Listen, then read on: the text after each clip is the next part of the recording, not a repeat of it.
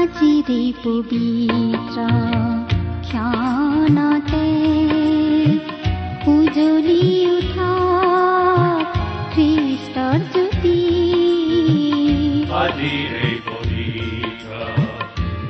ভক্তিবচন অনুষ্ঠানৰ মজিয়ালৈ আপোনাক স্বাগতম প্ৰিয় শ্ৰোতা। ভক্তিবচন অনুষ্ঠানত আপোনাক পুনৰ লগ পাই আমি নথৈ আনন্দিত। আশা কৰো এই অনুষ্ঠানত প্ৰচাৰ হোৱা বাক্যসমূহে আপোনাৰ ব্যক্তিগত জীৱনত অলপ হলেও সহায় কৰিছে। ঈশ্বৰ এগৰাকী সৰ্বশক্তিশালী ব্যক্তি। তেওঁ পৃথিৱী আকাশমণ্ডল আৰু সৌৰজগতৰ সকলোকে নিজৰ ইচ্ছাৰে আৰু পৰাক্ৰমেৰে শৃংখলাবদ্ধভাৱে স্থিৰ কৰি থৈছে। তেওঁ প্ৰতিটো বিষয়কে একো একোটা নিয়মৰ অৰ্থাৎ নিজ নিজ সীমাৰ অন্তৰ্ভুক্ত কৰি ৰাখিছে। সেইকাৰণে সকলোবোৰ সুন্দৰকৈ চলি আছে। সেইবোৰৰ এটা বিষয়েও যদি নিজ নিয়মক চেৰাই যাবলৈ ধৰে তেন্তে সকলোবোৰ খেলি মেলি অৰ্থাৎ ধ্বংস হ'ব। আমাৰ জীৱনবোৰো তেনেকুৱা। আপোনাৰ মোৰ জীৱনটোকো ঈশ্বৰে বৰ সুন্দৰকৈ শৃংখলাবদ্ধভাৱে মংগলৰ আঁচনিৰে সজাই ৰাখিছে। ঈশ্বৰৰ পৰাক্ৰমী সুৰক্ষাৰ তলত আপোনাৰ জীৱন সদায় সুৰক্ষিত। তেওঁত আশ্ৰয় ললে আপুনি জীৱনৰ প্ৰকৃত আনন্দ বিচাৰি পাব। তেওঁৰ বাক্যই আপোনাক তেওঁৰ বিষয়ে আৰু অধিককৈ জানিবলৈ সহায় কৰাৰ আশাৰে এয়া আপোনালৈ আগবঢ়াইছো ভক্তি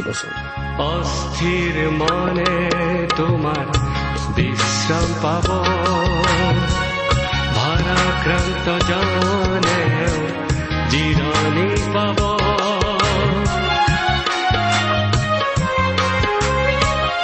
অস্থিৰ মনে তোমাৰ বিশ্ৰাম পাব। ভাৰাক্ৰান্ত জনে জিৰণি পাব।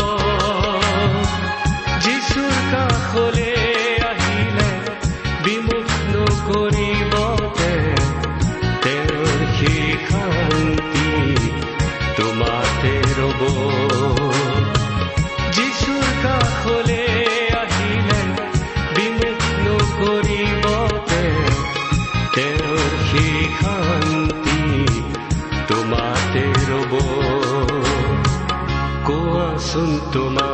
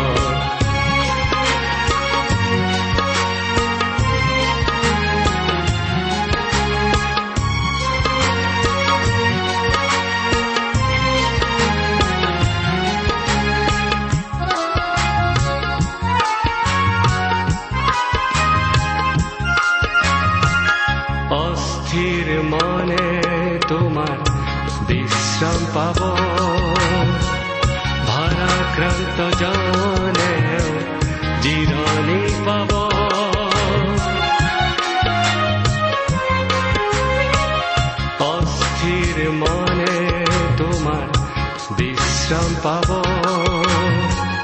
ভাৰাক্ৰান্ত জনে জিৰণি পাব। পুৰণি জীৱন যিচুৰ চৰণত সপিলে তোমাৰ জীৱন আকৌ নতুন হ'ব। আমাৰ মহান ত্ৰাণকৰ্তা প্ৰভু যীশুখ্ৰীষ্টৰ নামত নমস্কাৰ প্ৰিয় শ্ৰোতা। আশা কৰো আপুনি পৰম পিতা পৰমেশ্বৰৰ মহান অনুগ্ৰহত ভালে কুশলে আছে।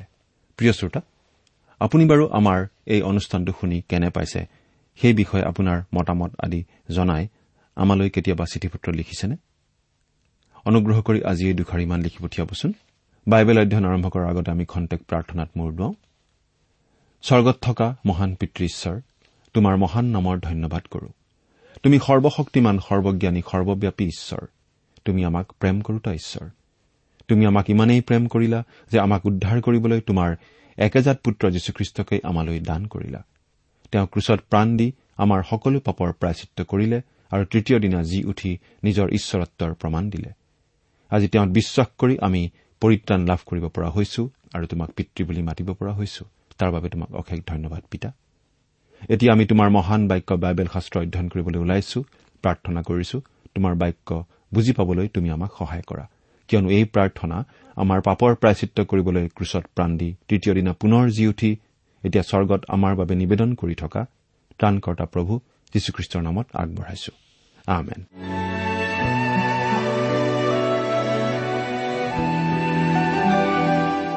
প্ৰিয় শ্ৰোতা আমি আজি কিছুদিনৰ পৰা বাইবেলৰ পুৰণি নিয়ম খণ্ডৰ যিচয়া ভাৱবাদীৰ পুস্তকখন অধ্যয়ন কৰি আছো। নহয়নে বাৰু? আপুনি যদি আমাৰ এই ভক্তিবচন অনুষ্ঠানটো নিয়মিতভাৱে শুনি আছে তেনেহলে এই কথাটো আপুনি নিশ্চয় জানে। যোৱা অনুষ্ঠানত আমি এই যিচয়া পুস্তকৰ ঊনত্ৰিশ নম্বৰ অধ্যায়ৰ শেষৰটো পদলৈকে আমাৰ আলোচনা আগবঢ়াই নিছিলো। গতিকে আজি আমি যিচয়া পুস্তকৰ ত্ৰিশ নম্বৰ অধ্যায়ৰ প্ৰথম পদৰ পৰাই আমাৰ আলোচনা আৰম্ভ কৰিব খুজিছো। প্ৰিয় শ্ৰোতা আজি আমি আলোচনা কৰিবলৈ লোৱা যিচয়া পুস্তকৰ ত্ৰিশ আৰু একত্ৰিশ নম্বৰ অধ্যায় দুটিৰ মূল বিষয় হৈছে অচুৰীয়াৰ বিৰুদ্ধে মিছৰৰ পৰা সহায় ভিক্ষা নকৰিবলৈ ঈশ্বৰৰ উপদেশ আৰু সহায়ৰ বাবে ঈশ্বৰৰ ওপৰত নিৰ্ভৰ কৰিবলৈ বুজনি। প্ৰিয় শ্ৰোতা মন কৰিব যে এই অধ্যায় দুটিত ইছৰাইলৰ স্থানীয় সমস্যাৰ কথাকেই বেছিকৈ কোৱা হৈছে। তথাপিতো ভৱিষ্যতৰ কথাও ইয়াৰ পৰা উৎপত্তি নোহোৱা নহয়। যি কি নহওক সেই সময় আৰু স্থানক লৈ যিবোৰ ভৱিষ্যৎবাণী কৰা হৈছিল সেইবিলাক আগতেই সিদ্ধ হৈ গ'ল। প্ৰমাণস্বৰূপে ইছৰাইলৰ উত্তৰ অঞ্চলে যিচয়া ভাৱবাদীৰ সাৱধানবাণী আওকাণ কৰিছিল। আৰু সেইকাৰণে অচুৰীয়াই তেওঁলোকক আক্ৰমণ কৰিছিল আৰু বন্দী কৰি লৈ গৈছিল। এই ঘটনা দেখিবলৈ পাই ইছৰাইলৰ দক্ষিণ ভাগ অৰ্থাৎ জিহুদা ৰাজ্যই যিচয়া ভাওবাদীৰ কথা শুনিছিল আৰু সেই কথাবোৰলৈ কাণ দিছিল আৰু সেইকাৰণে অচুৰীয়াৰ হাতৰ পৰা উদ্ধাৰ পাবলৈ ইছৰাইলৰ সহায় তেওঁলোকে বিচৰা নাছিল। ফলস্বৰূপে ঈশ্বৰৰ পৰা তেওঁলোকে সহায় পাইছিল। এই বিষয়ে দ্বিতীয় ৰাজাৱলী সোতৰ নম্বৰ অধ্যায়ৰ চাৰি নম্বৰ পদত এইদৰে কোৱা আছে। আমি পাঠ কৰি দিছো শুনিবচোন। পাছে অচুৰৰ ৰজাই হুছেয়াই কৰা চক্ৰান্ত গম পালে। কিয়নো তেওঁ মিছৰৰ চোঁ ৰজাৰ গুৰিলৈ দূত পঠাইছিল আৰু বছৰে বছৰে যেনেকৈ উপহাৰ দিছিল তেনেকৈ অচুৰৰ ৰজাক আৰু উপহাৰ নিদিলে। এইকাৰণে অচুৰৰ ৰজাই তেওঁক বান্ধি বন্দীশালত পেলাই থলে। এতিয়া ইছৰাইলে সহায়ৰ বাবে মিছৰৰ লগত চুক্তি নকৰিবলৈ ঈশ্বৰৰ পৰা যি পৰামৰ্শ পাইছিল সেই বিষয়ে আমি যিচয়াৰ ত্ৰিশ নম্বৰ অধ্যায়ৰ এক আৰু দুই নম্বৰ পদত এনেদৰে পাওঁ। পাঠ কৰি দিছো অনুগ্ৰহ কৰি শুনিব। জিহুৱাই কৈছে পাপৰ উপৰি পাপ কৰিবলৈ যি বিদ্ৰোহী সন্তানবিলাকে মোৰ অনুপস্থিতে কল্পনা কৰে আৰু মোৰ বিনা আত্মাই সন্ধি পাতে ফৰৌনৰ পৰাক্ৰমেৰে নিজক পৰাক্ৰমী কৰিবলৈ আৰু মিছৰৰ ছাঁত আশ্ৰয় ল'বলৈ যি সন্তানবিলাকে মোৰ পৰামৰ্শ নোলোৱাকৈ মিছৰলৈ যাবৰ নিমিত্তে বাট লৈছে তেওঁবিলাকৰ সন্তাপ হ'ব। এয়া ঈশ্বৰৰ চতুৰ্থ সন্তাপ আছিল। সন্তাপ বুলি কোৱা হৈছে কাৰণ ঈশ্বৰে তেওঁলোকক জোৰকৈ বাধা দিবলগীয়া হৈছিল। ঈশ্বৰে কৈছিল সহায়ৰ বাবে তোমালোকে মিছৰৰ ওচৰলৈ নাযাবা কাৰণ তেওঁলোকৰ সহায় তোমালোকৰ কাৰণে ভাল নহ'ব। তাৰমানে এই সহায় তোমালোকৰ বাবে মৰুভূমিৰ মৰিচিকাৰ নিচিনা হ'ব। এতিয়া তিনি নম্বৰ পদৰ পৰা দহ নম্বৰ পদলৈকে পাঠ কৰি দিম। অলপ দীঘলীয়া আমনি লাগিব পাৰে তথাপি মন দি শুনিবচোন। সেই নিমিত্তে ফৰৌনৰ পৰাক্ৰম তোমালোকক লাজ দিওঁতা হ'ব। আৰু মিছৰৰ ছাঁত আশ্ৰয় লোৱাই তোমালোকৰ অপমানজনক হ'ব। যদিও তেওঁৰ প্ৰধান লোকবিলাক চুৱনত আছে আৰু তেওঁৰ দূতবিলাকে হানেজ পালেগৈ তথাপি যি জাতিয়ে তেওঁবিলাকক উপকাৰ কৰিব নোৱাৰে যি জাতি সহায় দিওঁতা কি উপকাৰী নহয় কিন্তু লাজ দিওঁতা আৰু দুৰ্নামজনকহে এনে জাতিৰ বিষয়ে তেওঁবিলাক সকলোৱে লজ্জিত হ'ব। দক্ষিণ অঞ্চলৰ পশুবোৰৰ বিষয়ে কোৱা ভাৰ বাক্য। সংকটৰ আৰু ক্লেশৰ যি দেশত সিংহিনীৰ আৰু সিংহৰ আৰু কালসৰ্পৰ আৰু উৰি ফুৰা পুৰণি ধৰোৱা সৰ্পৰ জন্ম হয়। এনে দেশৰ মাজেদি তেওঁবিলাকে অনুপকাৰী এক জাতিৰ ওচৰলৈ গাধবোৰৰ পিঠিত তেওঁবিলাকৰ ধন সম্পত্তি আৰু উটবোৰৰ চোতত তেওঁবিলাকৰ বহুমূল্য বস্তু তুলি লৈ গৈছে। কিন্তু মিছৰীয়াবোৰ ভাৱস্বৰূপ সিহঁতৰ সহায় মিছা। এই নিমিত্তে মই সেই জাতিক বহি থাকোতা ৰাহব এই নাম দিলো। এতিয়া চোৱা সেই কথা অনন্তকাললৈকে এনেকি অনন্তকাললৈকে থাকিবৰ নিমিত্তে তাক তেওঁবিলাকৰ আগত এখন ফলিত লিখা আৰু এখন পুথিত লিখি ৰাখা। কিয়নো তেওঁবিলাক বিদ্ৰোহী জাতি মিছলীয়া সন্তান জিহুৱাৰ ব্যৱস্থা শুনিবলৈ অমান্তি হোৱা সন্তান। তেওঁবিলাকে দৰ্শকবিলাকক কয় দৰ্শন নকৰিবা আৰু ভাৱবাদীবিলাকক কয় আমাৰ আগত যথাৰ্থ ভাৱবাণী নকবা আমাৰ আগত খোচামুদি বাক্য কোৱা মায়াযুক্ত ভাৱবাণী কোৱা। প্ৰিয় শ্ৰোতা এই পদকেইটিৰ যোগেদি ঈশ্বৰে তেওঁলোকক কৈছিল যে তোমালোকে মিছৰৰ সহায় বিচৰাতকৈ মোৰ ওচৰলৈ আহা। মই এই সৰ্বশক্তিমান ঈশ্বৰ তোমালোকক মই সহায় কৰিম। অকল ইমানেই নহয় আৰু কি কি কৈছে সেই বিষয়ে আমি পাওঁ এঘাৰ নম্বৰ পদৰ পৰা ওঠৰ নম্বৰ পদলৈ। শুনিবচোন। বাট এৰা পথৰ পৰা এফলীয়া হোৱা ইছৰাইলৰ পবিত্ৰজনাক আমাৰ চকুৰ আগৰ পৰা দূৰ কৰা। এই হেতুকে ইছৰাইলৰ পবিত্ৰজনাই কৈছে তোমালোকে এই বাক্য হেয়জ্ঞান কৰিছা আৰু উপদ্ৰৱত ও বিপৰীত আচৰণত বিশ্বাস কৰি তাৰ ওপৰত নিৰ্ভৰ কৰিছা এতেকে যাৰ ভগ্ন অকস্মাত মুহূৰ্ততে হ'ব পাৰে ওখ দেৱালৰ এনে হলা পৰু পৰু হৈ থকা এভাগৰ নিচিনা এই অপৰাধ তোমালোকলৈ হ'ব। কুমাৰৰ পাত্ৰ ভঙা নিচিনাকৈ তেওঁ তাক ভাঙিব অলপো নৰখাকৈ তাক দুখৰ দুখৰকৈ ভাঙিব তাতে জুইশালৰ পৰা জুই তুলিবলৈ বা পুখুৰীৰ পৰা পানী তুলিবলৈ তাৰ টুকুৰাবোৰৰ মাজৰ এডোখৰি খোলাও পোৱা নাযাব। কিয়নো প্ৰভুজী হোৱা ইছৰাইলৰ পবিত্ৰ জনাই এইদৰে কৈছিল তোমালোকে ওলটি আহি শান্ত হলেহে পৰিত্ৰাণ পাবা। থিৰে থাকি বিশ্বাস কৰিলেহে তোমালোকৰ পৰাক্ৰম হ'ব। কিন্তু তোমালোক অসন্মত হলা। আৰু তোমালোকে কলা নকৰো কিয়নো আমি ঘোঁৰাত উঠি দৌৰি যাম। এনেকে তোমালোক পলাবলৈহে দৌৰিবা।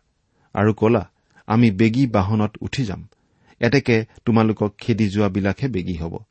এটাৰ ধমকিত এক হাজাৰ পলাই যাব। আৰু পাঁচোটাৰ ধমকিত তোমালোক পলাই যাবা। শেষত তোমালোক পৰ্বতৰ টিঙত থকা পতাকা দণ্ডৰ আৰু উপ পৰ্বতৰ ওপৰত থকা নিচান দালিৰ নিচিনাকৈ অৱশিষ্ট থাকিবা। এই হেতুকে জিহুৱাই তোমালোকক দয়া কৰিবলৈ অপেক্ষা কৰিব। আৰু এই নিমিত্তে তেওঁ তোমালোকক অনুগ্ৰহ কৰিবলৈ উঠিব। কিয়নো জিহুৱা ন্যায় বিচাৰ কৰোতা ঈশ্বৰ যিসকলোৱে তেওঁলৈ অপেক্ষা কৰে সেই সকলো ধন্য। প্ৰিয় শ্ৰোতা আপুনি যদি এজন খ্ৰীষ্টীয় লোক হয় তেন্তে প্ৰভুৰ বাবে অপেক্ষা কৰিবলৈ শিকক। আপুনি অধৈৰ্য হৈ নকব যে আমি জগতৰ একেবাৰে শেষকালত আছো। এই বছৰ বা অহা বছৰ বা দহ বছৰৰ পাছত প্ৰভু যীশু পুনৰ আহিব। তেওঁ অৱশ্যে আহিব। কিন্তু ঈশ্বৰে কৈছে মোৰ কাম মোক কৰিবলৈ দিয়া তোমাক মই কোনো সময় বান্ধি দিয়া নাই। তাৰমানে ঈশ্বৰে তেওঁৰ কাম তেওঁৰ সময়মতে কৰিব আৰু সেই সময়ৰ বাবে আমি অপেক্ষা কৰিব পাৰিব লাগিব। অন্ততঃ প্ৰভু যীশু পুনৰ আহি তেওঁৰ নিজৰ লোকক জগতৰ মাজৰ পৰা উদ্ধাৰ কৰা সময়লৈকে আমি অপেক্ষা কৰিব পাৰিব লাগিব। এই ক্ষেত্ৰত আমাক কোৱা হৈছে যে যিসকলে প্ৰভুৰ বাবে অপেক্ষা কৰিব প্ৰভুৱে তেওঁলোকক নতুন শক্তি দিব। আমি প্ৰভুক তাৰাতাৰি কৰিবলৈ বাধ্য কৰিব নোৱাৰো। তেওঁ অধৈৰ্য নহয়। হ'ব পাৰে ঈশ্বৰৰ সময়বিলাক আমি নিৰূপিত কৰি দিব ইচ্ছা কৰো বা তেওঁ কোৱা কথাবিলাক আমি ভবাৰ দৰে ঘটা নাই বুলি আমি ভাবো। তথাপিতো প্ৰভুৰ কাম তেওঁৰ মতে হবলৈ দিব লাগিব আৰু তাৰ বাবে আমি অপেক্ষা কৰিব লাগিব কাৰণ ঈশ্বৰৰ সন্মুখত আছে অনন্তকাল আৰু তেওঁৰ হাতত যদি আমি নিজকে সোধাই দিওঁ তেন্তে আমাৰ জীৱন নিশ্চয় মধুৰ হ'ব। এতিয়া ঊনৈশ নম্বৰ পদৰ পৰা ছাব্বিছ নম্বৰ পদলৈকে পাঠ কৰি দিম। কিয়নো এই জাতিয়ে চিউনত জিৰচালেমত বাস কৰিব। তুমি আৰু নাকান্দিবা। তোমাৰ কাটৰোক্তিৰ শব্দ শুনি তেওঁ অৱশ্যে তোমাক দয়া কৰিব। শুনা মাত্ৰকেই তেওঁ তোমাক উত্তৰ দিব। যদিও প্ৰভুৱে তোমালোকক সংকটযুক্ত আহাৰ আৰু ক্লেশযুক্ত জল দিয়ে তথাপি তোমাৰ শিক্ষকবিলাক আৰু লুকাই নাথাকিব আৰু তোমাৰ চকুৱে তোমাৰ শিক্ষকবিলাকক দেখিবলৈ পাব। আৰু তোমালোকে সোঁফালে কি বাওঁফালে ঘূৰিবৰ সময়ত তোমালোকৰ কাণে পাছৰ পৰা এই বাক্য শুনিবলৈ পাব। এইয়ে পথ এয়েদি চলা। আৰু তোমালোকে নিজ নিজ কটা মূৰ্তিত মৰা ৰূপৰ পতা আৰু সাঁচত ঢলা মূৰ্তিত মৰা সোণৰ পতা অসুচী কৰিবা। আৰু তাক অসুচী বস্তুৰ নিচিনাকৈ পেলাই দি কবা দূৰ দূৰ। আৰু যিহতে তুমি মাটিত বব পাৰিবা। তাৰ নিমিত্তে তেওঁ তোমাৰ গুটিৰ অৰ্থে বৰষুণ দিব আৰু তেওঁ ভূমিৰ উৎপন্ন আহাৰ দিব। সেয়া ৰসাল আৰু পুষ্টিকৰ হ'ব। সেইদিনা তোমাৰ পশুৰ জাকবোৰে বহল পথাৰত চৰিব। মাটি চাহ কৰোতা গৰু আৰু গাধবোৰেও কোলাৰে জৰা আৰু চালনীৰে চলা সোৱাদ দানা খাব। আৰু মহাহত্যাৰ দিনা ওখ কোঠবোৰ ভাগি পৰা সময়ত প্ৰত্যেক উচ্চ গিৰিৰ ওপৰত আৰু প্ৰত্যেক ওখ পৰ্বতৰ ওপৰত নৈ আৰু পানীৰ জুৰি হ'ব। আৰু যিদিনা জিহুৱাই তেওঁৰ প্ৰজাবিলাকৰ ভগা অংগ জোৰা দিব আৰু প্ৰহাৰত লগা ঘাঁহ সুস্থ কৰিব সেইদিনা চন্দ্ৰৰ পোহৰ সূৰ্যৰ পোহৰৰ নিচিনা হ'ব আৰু সূৰ্যৰ পোহৰ সাত গুণে অধিক সাত দিনৰ পোহৰৰ সমান হ'ব। প্ৰিয় শ্ৰোতা এই পদখিনিত কোৱা হৈছে যে যিসকল মানুহে ঈশ্বৰৰ ওপৰত নিৰ্ভৰ কৰিব তেওঁলোকৰ জীৱন অৰ্থপূৰ্ণ হ'ব কিন্তু ঈশ্বৰৰ ওপৰত ভৰসা নকৰাসকলৰ ওপৰত ঈশ্বৰৰ ক্ৰোধহে পৰিব। সাতাইছৰ পৰা তেইছ পদলৈকে পাঠ কৰি দিম। চোৱা জিহুৱাৰ নাম দূৰৈৰ পৰা আহিছে তেওঁৰ ক্ৰোধাগ্নি জ্বলিছে ওপৰলৈ উঠা তেওঁৰ ধোঁৱাৰাশি অতি ডাঠ তেওঁৰ ওঠ ক্ৰোধেৰে পৰিপূৰ্ণ। আৰু তেওঁৰ জীৱা গ্ৰাস কৰোতা অগ্নিস্বৰূপ। তেওঁ জাতিবিলাকক ধ্বংস চালনীৰে চালিবলৈ তেওঁৰ প্ৰশ্বাসবায়ু ডিঙিলৈকে উঠা প্লাৱনকাৰী নদীস্বৰূপ আৰু জাতিবিলাকৰ মুখত ভ্ৰান্তিজনক লাগাম হ'ব। পবিত্ৰ ভোজ পালন কৰা ৰাতিৰ গীতৰ নিচিনাকৈ তোমালোকৰ গীত হ'ব। আৰু জিহুৱাৰ পৰ্বত ইছৰাইলৰ শিলালৈ যাবৰ মনেৰে বাঁহী বজাই বজাই যোৱা লোকৰ নিচিনাকৈ তোমালোকৰ মনত আনন্দ হ'ব। আৰু জিহুৱাই নিজৰ জ্বলন্ত ক্ৰোধেৰে আৰু গ্ৰাস কৰোতা অগ্নিশিখাৰে প্ৰচণ্ড বতাহ আৰু ধুমুহাৰে আৰু শিলাবৃষ্টিৰে নিজ মহিমান্বিত স্বৰ শুনাব আৰু নিজৰ বাহু নমোৱা দেখুৱাব।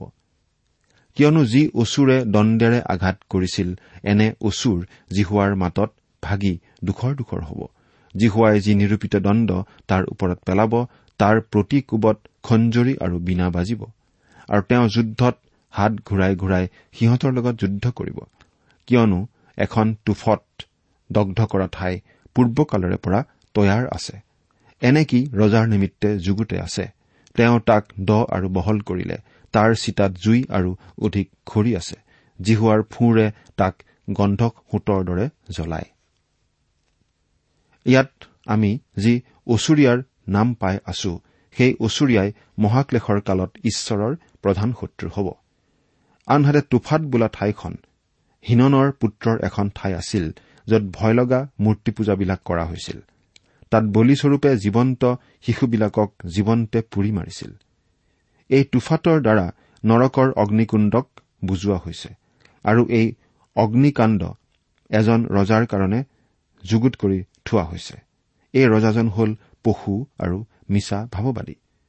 এই বিষয়ে প্ৰকাশিত বাক্য বিশ নম্বৰ অধ্যায় দহ নম্বৰ পদত এইদৰে কোৱা হৈছে। আৰু সিহঁতক ভুলোৱা ছয়তানক জুই আৰু গন্ধকৰ সৰোবৰত পেলোৱা হ'ব। তাত সেই পশু আৰু ভাৰী কোৱা ভাৱবাদীও আছে।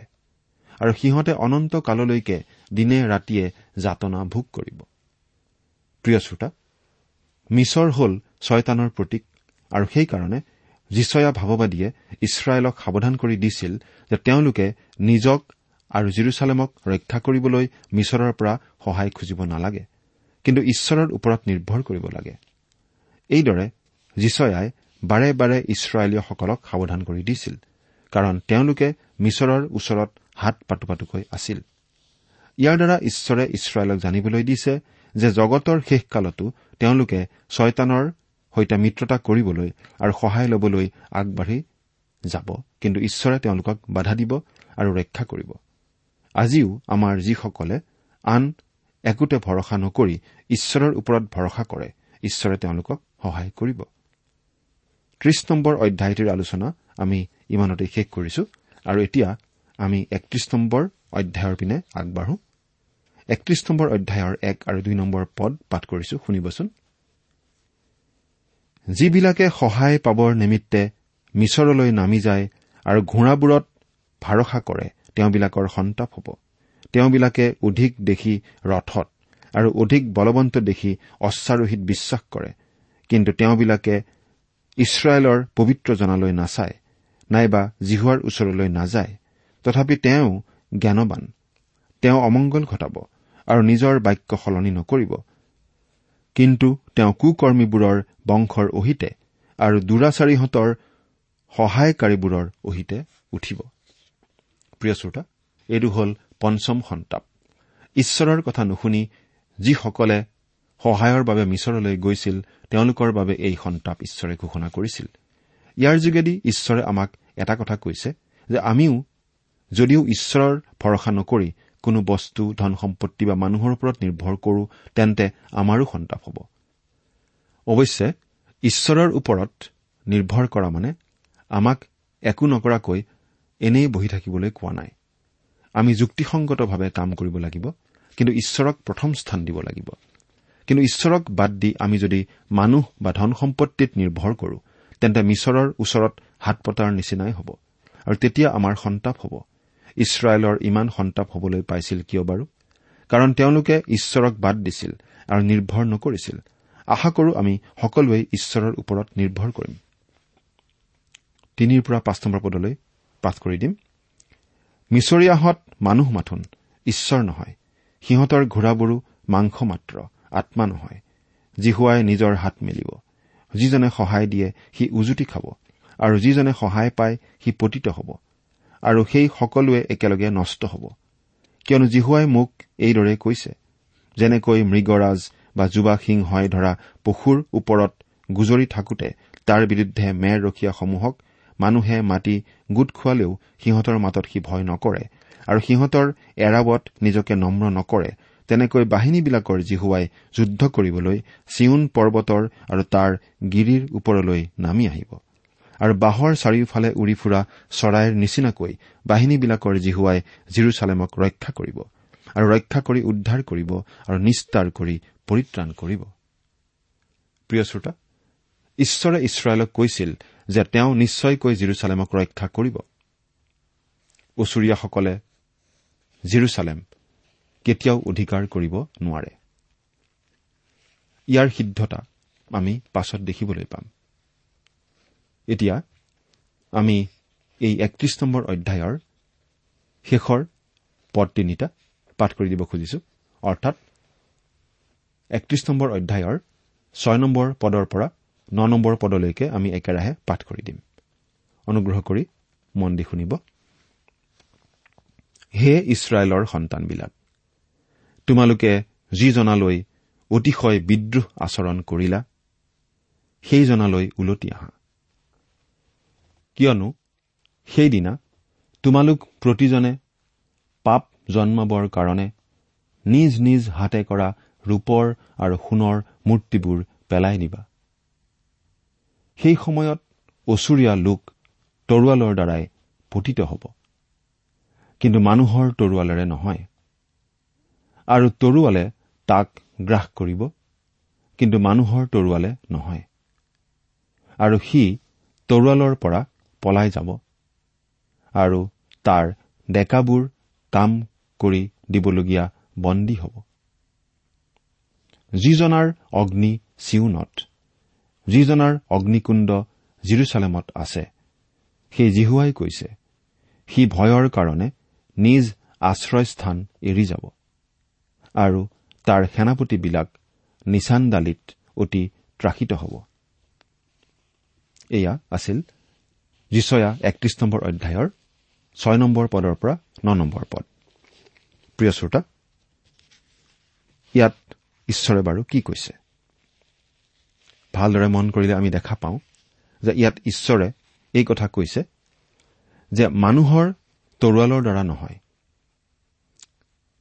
তাৰমানে ঈশ্বৰে কৈছে যে তেওঁলোক অতিশয় শক্তিশালী হৈ তৰোৱালৰ দ্বাৰা অচুৰীয়াসকলক খেদিব পৰা কেতিয়াও নহয়। অচুৰীয়াসকল পৰাস্ত হ'ব ঠিকেই কিন্তু সেয়া মানুহৰ শক্তিৰ দ্বাৰাই নহয়। কিন্তু ঈশ্বৰে তেওঁৰ নিজৰ শক্তিৰেহে সেই অচুৰীয়াবিলাকক পৰাস্ত কৰিব। সেই অচুৰীয়াবিলাকক ঈশ্বৰেই আচলতে খেদিব। এই কথা আজি জিৰচালেমে জনা অতি দৰকাৰ। লগতে এই কথা আমিও জনা দৰকাৰ যে যিসকলে ঈশ্বৰৰ শক্তিৰ ওপৰত নিৰ্ভৰ কৰে তেওঁলোকৰ জীৱনত ঈশ্বৰে মহৎ মহৎ আচৰিত আচৰিত কাম কৰে। আমি সকলোৱে এই কথা বিশ্বাস কৰা উচিত আৰু ঈশ্বৰৰ ওপৰত নিৰ্ভৰ কৰি চলিবলৈ শিকা উচিত। বহুত সময়ত আমাৰ জীৱনলৈ এনেকুৱা কিছুমান পৰিস্থিতি আহে যিবোৰ পৰিস্থিতি আমি সফলতাৰে যেতিয়া পাৰ হৈ যাওঁ সেই পৰিস্থিতিবোৰ আমিয়েই জয় কৰাৰ নিচিনা লাগে। কিন্তু আচলতে আমাৰ হৈ ঈশ্বৰেই আমাক জয়যুক্ত কৰে। তৰোৱালৰ শক্তিৰে নহয় মানুহৰ তৰোৱালৰ দ্বাৰা নহয় কিন্তু ঈশ্বৰৰ শক্তিৰেহে আমি প্ৰকৃত জয়লাভ কৰিব পাৰোঁ। ঈশ্বৰৰ সেই শক্তিৰ ওপৰত ভৰসা কৰিবলৈ আপুনি শিকিছেনে বাৰু? প্ৰভু যীশুত বিশ্বাস কৰা প্ৰতিজন লোকেই ঈশ্বৰৰ সেই শক্তি নিজৰ জীৱনত পাব পাৰে ঈশ্বৰৰ পৰা পোৱা আশীৰ্বাদ স্বৰূপে। আপুনি বাৰু সেই আশীৰ্বাদ আপোনাৰ জীৱনত লাভ কৰিছেনে? প্ৰিয় শ্ৰোতা আজি আমি যিচয়া পুস্তকৰ ত্ৰিশ আৰু একত্ৰিশ নম্বৰ অধ্যায় দুটি আলোচনা কৰিলো। পৰৱৰ্তী অনুষ্ঠানত পুনৰ লগ পোৱাৰ আশাৰে আজিৰ আলোচনাটি ইমানতেই সামৰিছো। নমস্কাৰ। প্ৰিয় শ্ৰোতা ইমান পৰে আপুনি বাইবেল শাস্ত্ৰৰ পৰা ঈশ্বৰৰ বাক্য শুনিলে। এই বিষয়ে আপোনাৰ মতামত জানিবলৈ পালে আমি নথৈ আনন্দিত হ'ম। আমি প্ৰস্তুত কৰা বাইবেল অধ্যয়নৰ চিডিসমূহ পাব বিচাৰিলে আৰু অনুষ্ঠানত প্ৰচাৰ কৰা কোনো কথা বুজিব লগা থাকিলেও আমালৈ লিখক। আমাৰ যোগাযোগৰ ঠিকনা ভক্তিবচন ট্ৰান্সৱৰ্ল্ড ৰেডিঅ' ইণ্ডিয়া ডাক বাকচ নম্বৰ সাত শূন্য গুৱাহাটী সাত আঠ এক শূন্য শূন্য এক। ঠিকনাটো আকৌ এবাৰ কৈছো ভক্তিবচন ট্ৰান্সৱৰ্ল্ড ৰেডিঅ' ইণ্ডিয়া ডাক বাকচ নম্বৰ সাত শূন্য গুৱাহাটী সাত আঠ এক শূন্য শূন্য এক। আমাৰ ইমেইল এড্ৰেছটো হৈছে Assamese T TV at the rate radio' eight eight two dot com. আমাৰ website W W W dot T W R dot in. আপুনি টেলিফোনৰ মাধ্যমেৰেও আমাক যোগাযোগ কৰিব পাৰে। আমাৰ টেলিফোন নম্বৰটো হৈছে nine eight five four zero' four zero' eight eight nine. Phone নম্বৰটো আকৌ এবাৰ কৈছো ন আঠ পাঁচ চাৰি শূন্য চাৰি শূন্য আঠ আঠ ন। আপুনি এই ভক্তিবচন অনুষ্ঠানটি আমাৰ website W W W dot radio' eight eight two dot কমতো শুনিব পাৰিব। আজিৰ অনুষ্ঠানটি ইমানতেই সামৰিছো। ঈশ্বৰৰ শান্তি আৰু অনুগ্ৰহ আপোনাৰ লগত থাকক। ধন্যবাদ।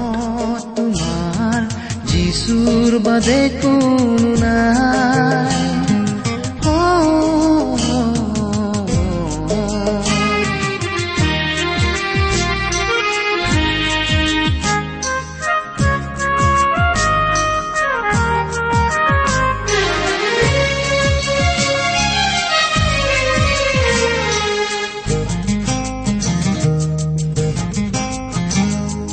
লাগে যদি অহাৰে ভৰা পৰিপূৰ্ণ জীৱন গাথা যিচুৰ তেজে দিয়ে পূৰ্ণতা যিচুৰ কথাই চকুলো মুছে যিচুৰ বাদে কোনো নাই তোমাৰ কাহ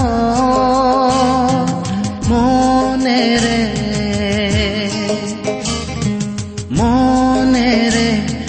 ভাবিছানে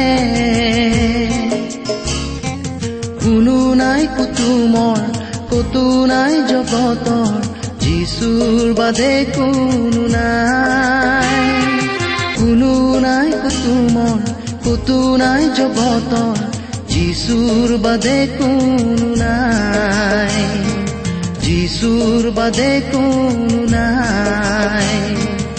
যিশুৰ বাদে কোনো নাই